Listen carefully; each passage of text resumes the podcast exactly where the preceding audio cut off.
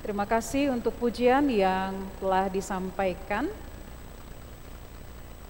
dari Darbat Pugu Choir dengan judul lagu Dung Sonang Rohaku. Ini mengantarkan kita untuk semakin diteguhkan di dalam kehidupan kita sebagai orang-orang yang percaya kepada Kristus Yesus dan di dalamnya kita juga akan dikuatkan melalui kebenaran firman Tuhan. Saudara-saudari, mari bersama kita satukan hati, rendahkan hati kita di hadapan Tuhan sebelum kita mendengarkan firman Tuhan. Mari bersama kita berdoa.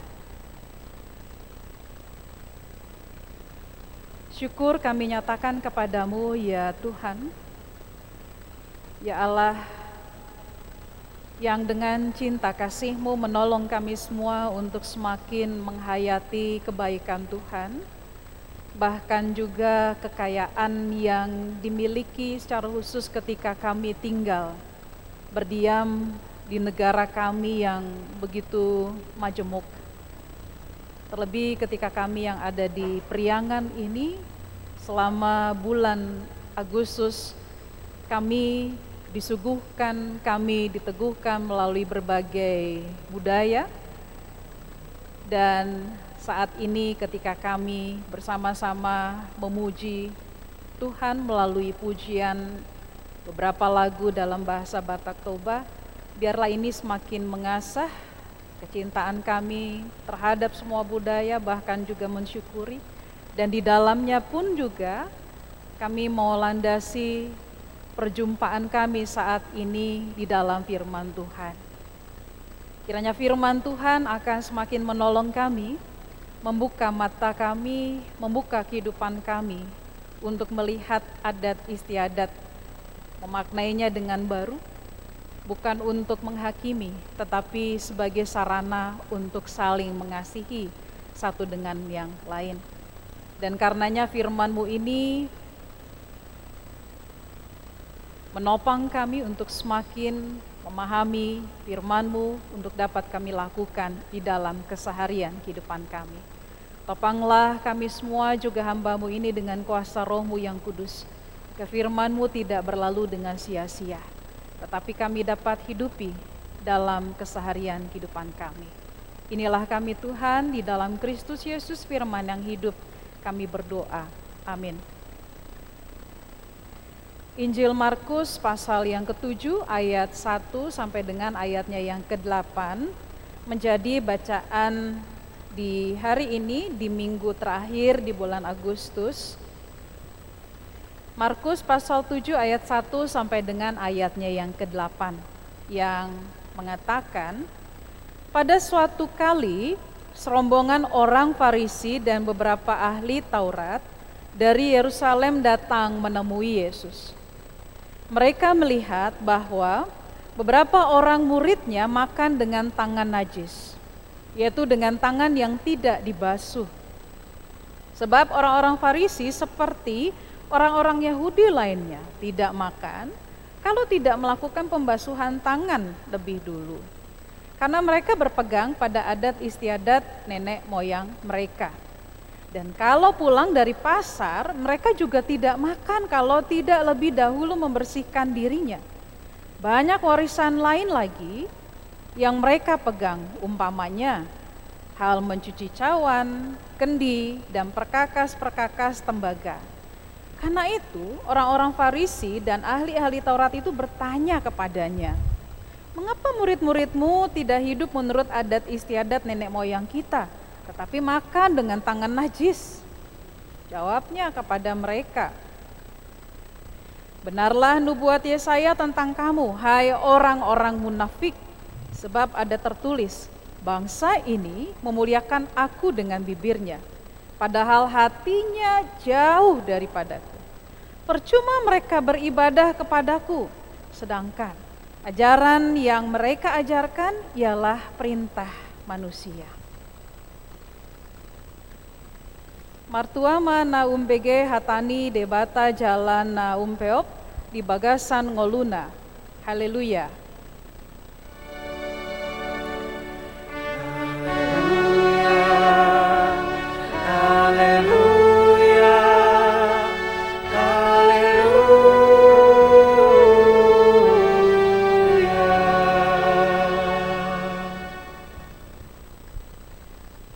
Pagi Bu Bapak, saudari-saudara dan anak-anak yang terkasih. Horas. Horasnya pasti sudah beda ya karena karena kita di Priangan mungkin e, jadi nuansanya agak beda. Ter, terlebih terlebih ketika saya menyampaikan saya sedikit terbata-bata dengan bat, e, bahasa Batak padahal saya orang Batak ya kalau nggak pakai borunya mungkin akan disebut nama nama saya Titin ya, karena sesuai dengan priangan sini. Tapi kalau sudah dipakai borunya, oh ketahuan nih orang Batak.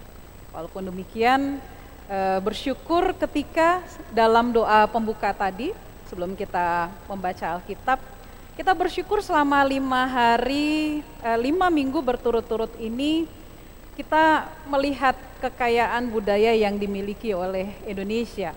Ya, yang dianggap mewakili dan di hari ini adalah kita menggunakan kalau Ibu Bapak bisa lihat eh, ulos-ulos yang dipakai sebagai dekorasi ya, dipakai sebagai dekorasi tidak hanya mempercantik tetapi kita melihat oh ini merepresentasikan ini mewakili salah satu suku budaya yang ada di Indonesia yaitu Batak Toba. Bahkan juga dalam tata kebaktian yang kita gunakan pun juga baik saya dan juga liturgos tadi menggunakan bahasa Batak Toba. Nah, Ibu Bapak, saudari-saudara, jemaat Tuhan, anak-anak yang terkasih, saya mengutip ada sebuah uh, pernyataan seperti ini di dalam bahasa asing nanti saya terjemahkan. The beauty of the world has in the beauty the diversity of its people. Artinya dunia itu indah, kalau dari terjemahkan bebas, dunia itu indah ya. Dunia dunia kita yang kita tempati ini indah ketika kita melihat ada perbedaan di tiap-tiap orangnya, di tiap-tiap masyarakatnya.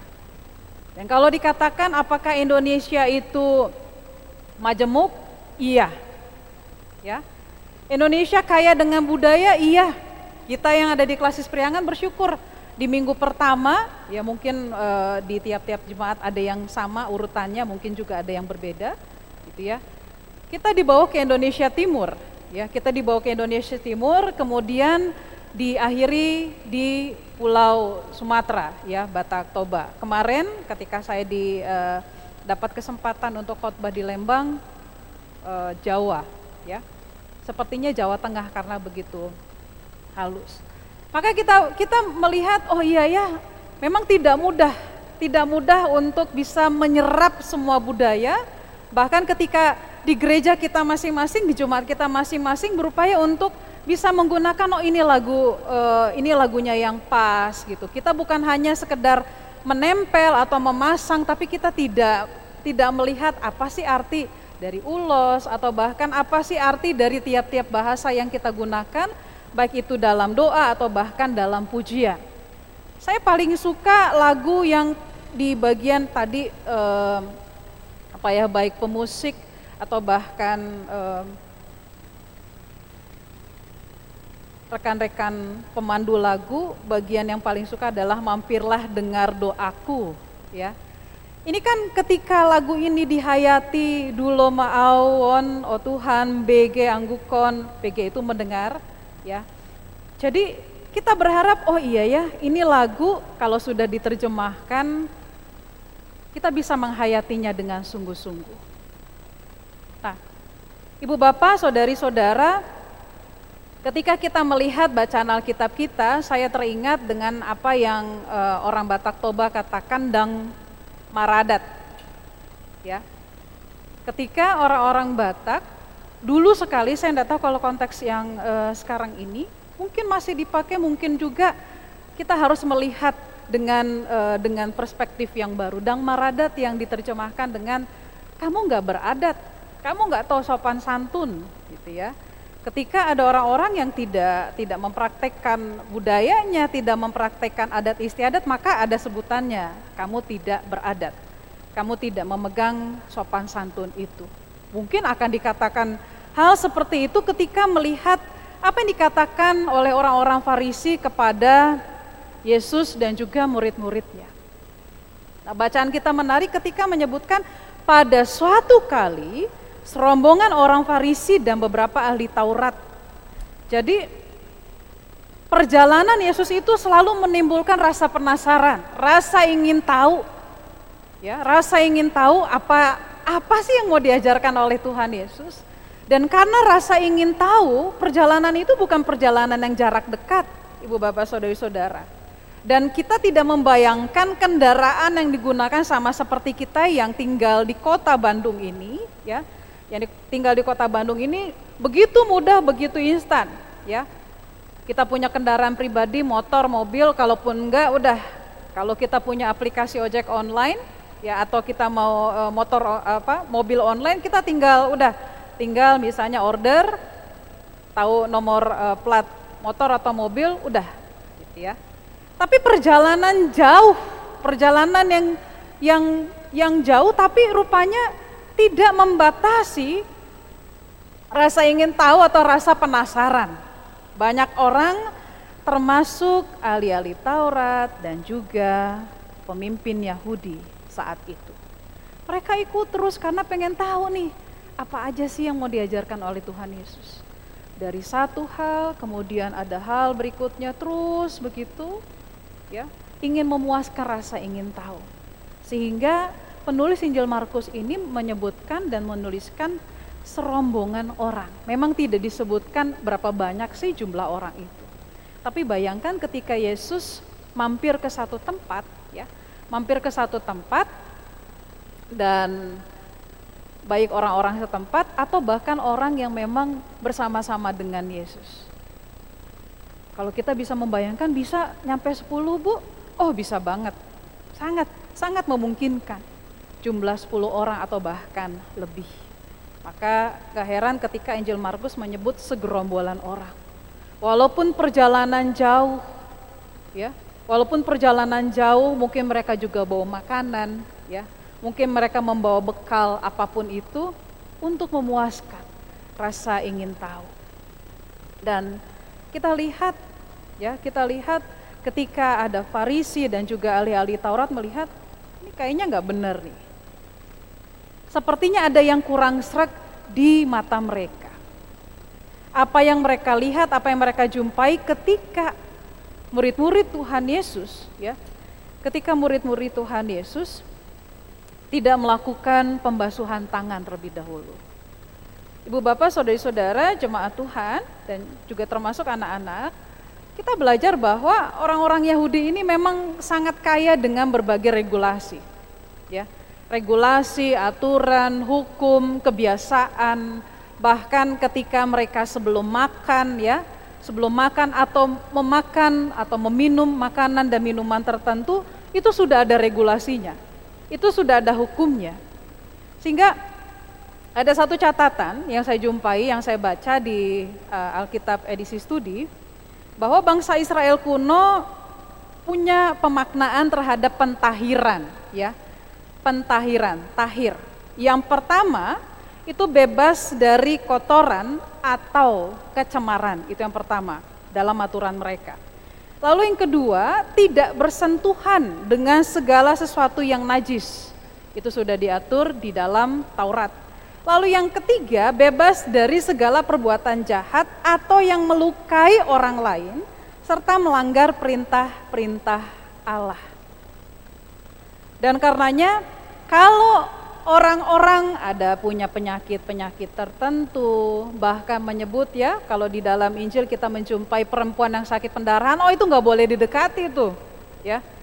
Perempuan yang punya sakit pendarahan, yang, yang pendarahan selama 12 tahun itu, itu nggak boleh didekati karena kondisinya najis, orang-orang yang menyentuh dia pun juga akan ikutan najis. Lalu menyentuh mayat, ini pun juga jadi najis, atau bahkan makan makanan tertentu itu pun najis. Dan butuh beberapa waktu bagi orang-orang yang karena kondisi itu najis gitu ya untuk membasuh diri yang kemudian mereka mempersembahkan korban itu juga ada aturannya. Itu juga ada regulasinya ya. Bahwa kalau mempersembahkan korban jangan sampai yang e, kalau saya gunakan kata sesuai dengan Alkitab jangan sampai yang cacat, yang tidak bercela, yang tambun dan seterusnya. Itu diatur dalam kitab e, Ibu Bapak, Saudari-saudara bisa membacanya di dalam kitab Imamat. Nah, apakah Yesus tidak tahu sama sekali?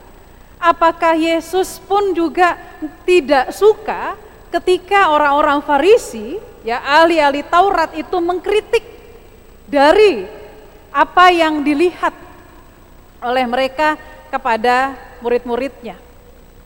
Yesus tahu sekali karena ia hidup dan bertumbuh menurut tata cara komunitas orang-orang Yahudi. Dia tidak sangkal sama sekali hukum Musa atau bahkan perintah yang memaparkan tentang mereka harus tahir, mereka harus murni, murni supaya jangan sama seperti bangsa-bangsa yang tidak mengenal Allah, ya. Kita akan mengenal kudus, kuduslah kamu, ya. Karena aku Tuhan Allahmu kudus, mungkin saya membahasakannya seperti itu. Karena Tuhan Allah sudah menguduskan umat Tuhan, umat pilihan Tuhan yang adalah orang-orang Israel. Tetapi Yesus mengkritik. Yesus menyampaikan dan mengutip apa yang disampaikan di ayatnya yang keenam, apa yang disampaikan di dalam nubuatan Yesaya. Dan dengan tegas, dengan keras, kalau saya katakan mungkin juga bisa menusuk menusuk sampai kedalaman hati orang-orang Farisi atau bahkan ahli-ahli Taurat. Hai orang-orang munafik disebutkan di sana. Hai orang-orang munafik, bangsa ini memuliakan aku dengan bibirnya padahal hatinya jauh daripadaku. Percuma mereka beribadah kepadaku. Sedangkan ajaran yang mereka ajarkan ialah perintah manusia. Artinya mereka sibuk dengan apa yang terlihat kasat mata dari tampilan luar, ya. Eksternalnya mereka perhatikan, mereka percantik, mereka perbagus, mereka buat sangat menarik tapi mereka lupa mereka lupa ya orang-orang Farisi, ahli-ahli Taurat dan para pendengarnya, orang-orang yang berkumpul di situ karena disebut segerombolan. Mereka lupa bahwa mereka pun juga harus memelihara kemurnian hati. Mereka harus juga mencondongkan hati mereka kepada Tuhan. Bahkan ketika kita beribadah, ibu bapak, saudara-saudara, meskipun sampai saat ini, di bulan Agustus ini, karena berapa hari lagi kita akan masuk ke bulan yang baru, ya, nggak terasa kayaknya cepat banget ya. Hati kita condong kepada Tuhan, hati kita harus cenderung kepada Tuhan. Meskipun kita dibantu dengan e, multimedia saat ini, tidak ada perjumpaan, saya hanya bisa kontak mata dengan sebelah kiri kanan saya gitu ya. E, para penatua, pemandu lagu, pemusik, lalu rekan-rekan multimedia gitu ya. Hanya saya tidak bisa bertatap muka dengan ibu bapak, saudara-saudara, anak-anak ya, cuma Tuhan yang menyaksikan secara live streaming YouTube eh, GKP Bandung. Kita belajar agar hati kita cenderung kepada Tuhan, ya. Sehingga dengan cara demikian kita mengaplikasikan cinta kasih dari Tuhan.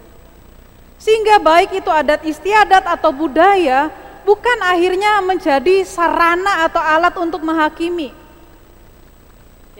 Mungkin saya eh, apa mengaplikasikan tadi dang, dang maradat kamu nggak beradat, kita mesti aplikasikan atau bahkan reinterpretasi setiap adat istiadat atau bahkan budaya yang kita miliki. Atau jangan serta-merta gini, oh kalau orang Kristen udah aja saya nggak nggak usah punya adat atau e, budaya segala macam, udah nggak usahlah di gereja pakai ulos-ulos kayak gini lah, gitu ya, atau ikat kepala seperti yang saya gunakan bersama rekan-rekan e, ibu penatua, gitu ya. Nggak usahlah kita pakai-pakai kayak gini gitu, karena kan kita sudah hidup baru, ya, kita sudah hidup baru, kita sudah e, mengenal Kristus Yesus, Ia yang menebus kita dari kemanusiaan lama kita. Gitu. Kita adalah manusia-manusia baru, maka adat istiadat itu nggak perlu. Bukan seperti itu juga, ya. Seperti yang saya sampaikan tadi, saya mengutip bahwa keindahan dunia yang kita tempati ini, kita akan jumpai ketika tiap-tiap orang itu berbeda. Indonesia di dalam konteks kehidupan bermasyarakat kaya dengan kebudayaannya, kaya dengan adat istiadatnya. Namun adat istiadat yang sejauh apa? Budaya yang sejauh apa? Ketika akhirnya ya beberapa waktu yang lalu mungkin di antara kita pernah mendengar kawin tangkap ya atau bahkan eh, ini kaitannya dengan pernikahan atau perkawinan itu dan masih banyak di budaya kita yang akhirnya itu justru melukai dan membuat orang-orang lain menderita dan sengsara. Maka ini menjadi tantangan buat kita selaku orang-orang Kristen. Apakah kita ya, apakah kita akan akan ya, interpretasi ulang terhadap setiap budaya yang kita miliki. Jangan sampai itu tidak memanusiakan manusia. Jangan sampai kita akhirnya melukai, mencederai orang lain.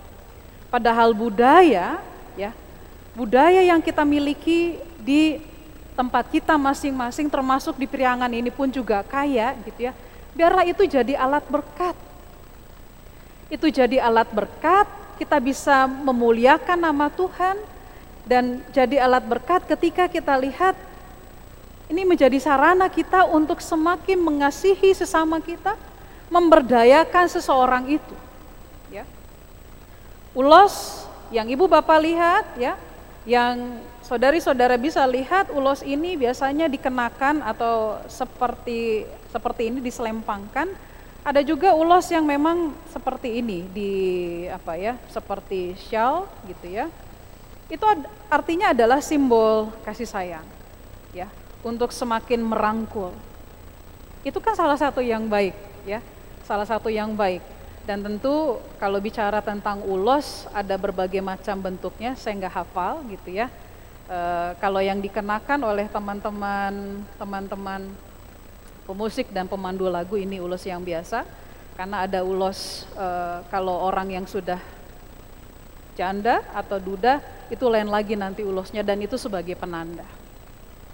Maka ibu bapak, saudari-saudara, seperti tema pada kebaktian minggu hari ini, mari kita lihat bahwa Yesus bukan sama sekali menolak atau tidak menyukai adat istiadat atau bahkan budaya Yahudi itu sendiri. Tapi bagaimana ketika budaya itu, adat istiadat itu dimaknai ulang untuk menjadi sarana berkat. Karena kita lihat ahli-ahli Taurat, orang-orang Farisi yang tahu betul, hafal itu yang namanya hukum-hukum Taurat, mereka memeliharanya sedemikian rupa secara turun-temurun dari generasi ke generasi yang lain. Tapi mereka lupa bahwa semestinya hati mereka terus-menerus dimurnikan.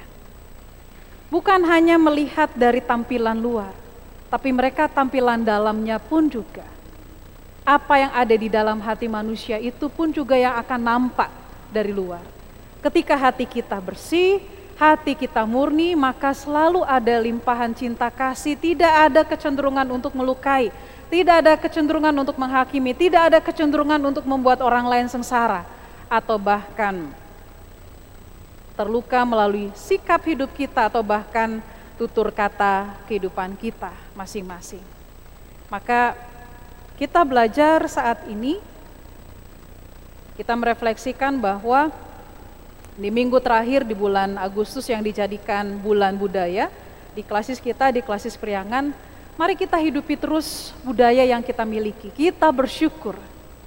Kita syukuri itu. Setiap budaya bahkan juga kekayaan tidak hanya warisan dari nenek moyang kita, gitu ya. Tapi kita juga syukuri bahwa budaya itu menjadi sarana berkat. Sarana saya, sarana kita semua untuk semakin mengasihi Tuhan, semakin memuliakan Tuhan, semakin menyatakan cinta kasih kepada sesama juga, bahkan juga alam, karena saya yakin di tiap-tiap budaya punya caranya tersendiri untuk memelihara lingkungan, untuk memelihara alam, jangan sampai dirusak, jangan sampai akhirnya dihancurkan sehingga tidak ada warisan yang kita berikan kepada generasi-generasi mendatang. Dan bagian berikutnya kita belajar bahwa baik itu mencuci tangan kah, ya. Bukan itu yang ingin dilihat oleh Tuhan Yesus, tetapi hati kita yang mau kita berikan kepada Tuhan untuk menjadi sarana bagi kemuliaan nama Tuhan. Tuhan kiranya menolong, memampukan, bahkan juga memelihara kita semua untuk hidup di dalam cinta kasihnya. Tuhan berkati. Amin.